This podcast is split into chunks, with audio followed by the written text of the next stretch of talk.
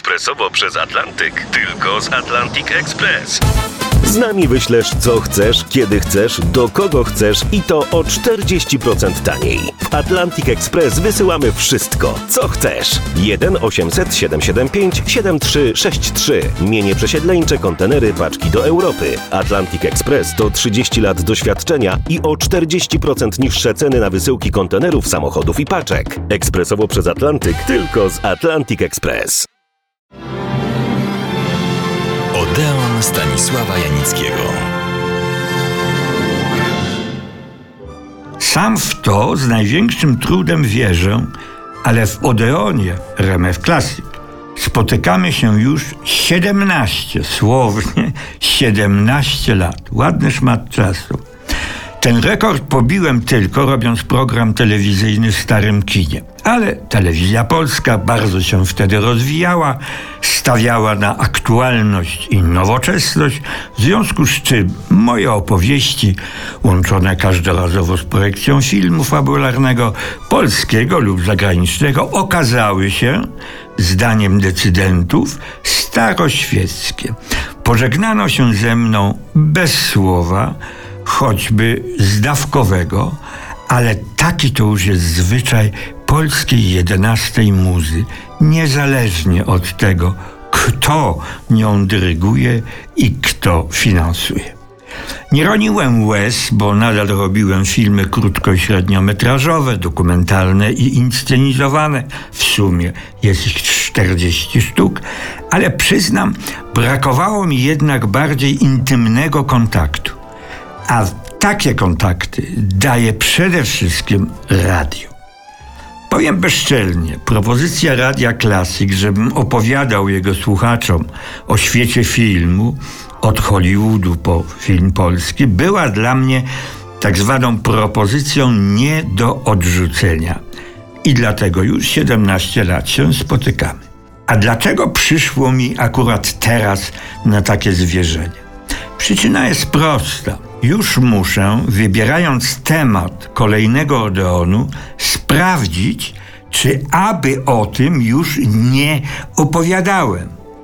I w czasie ostatniego przeglądu stwierdziłem, że nigdy do tej pory nie opowiadałem o pierwszym polskim powojennym filmie fabularnym, czyli o historycznych, zakazanych piosenkach. A jest to przecież dla każdego polskiego widza film niezwykły, wyjątkowy, bo był pierwszy powojennej hekatombie. Najpierw dziennikarze, potem historycy już ten film dokładnie, choć nie zawsze słusznie ocenili i zakwalifikowali. Dodam, że ja choć słusznego wieku jestem, akurat tego filmu nie widziałem. Mieszkałem wtedy na Śląsku Cieszyńskim, Skoczów i Bielsko, jeszcze bez Białej. Notabene pierwszym filmem, jaki po wojnie widziałem, był przedwojenny Znachor z niezrównanym Kazimierzem Junoszą Stępowskim w roli tytułowej. Coś to zapowiadało. Pisząc dalej, ale i wtedy już o premierze zakazanych piosenek, opisuje się te dantejskie sceny widzów, którzy nie mogli kupić biletu i dostać się do kina jakiegokolwiek i gdziekolwiek. Tak na marginesie. Dostanie się na prawie wszystkie jakiekolwiek filmy było wtedy wyzwaniem wymagającym niezwykłej odwagi i determinacji. Ale jak wiemy, nie tylko film wymaga czasami od nas pewnych poświęceń. Zakazane piosenki obejrzałem później, już na studiach w Warszawie. Przyznam, że nie zrobiły na mnie należytego wrażenia, bo byłem już przykładowo w krainie włoskiego neorealizmu czy filmów amerykańskich, wojennych zaległości czy powojennych nowości. Dzisiaj nie uważam tego za stratę, bo neorealizm włoski przeżyłem na bieżąco, a zakazane piosenki należały już do czasu przeszłego. Tak na marginesie, oceniając jakieś dzieło filmowe, literackie, teatralne, powinniśmy zawsze odnieść je do czasu i miejsca, w którym ono powstało i jaką rolę pełniło.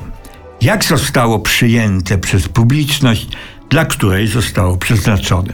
Zakazane piosenki, nasz pierwszy powojenny pełnometrażowy film fabularny, nie powinien być oceniany z dzisiejszego punktu widzenia. Nie ma nic gorszego, jak oderwać film, dzieło sztuki, od warunków, w jakich ono powstało, czemu i komu miało wtedy służyć. Żeby było jasne, miał służyć tym, którzy walczyli i tę okrutną wojnę przeżyli. Jak ją przeżyli, to już inny problem. Ale najpierw przypomnę tym, którzy filmu nie widzieli, a może już zapomnieli, samą treść. No, ale to już za tydzień. Serdecznie wszystkich słuchaczy do Odeonu zapraszam.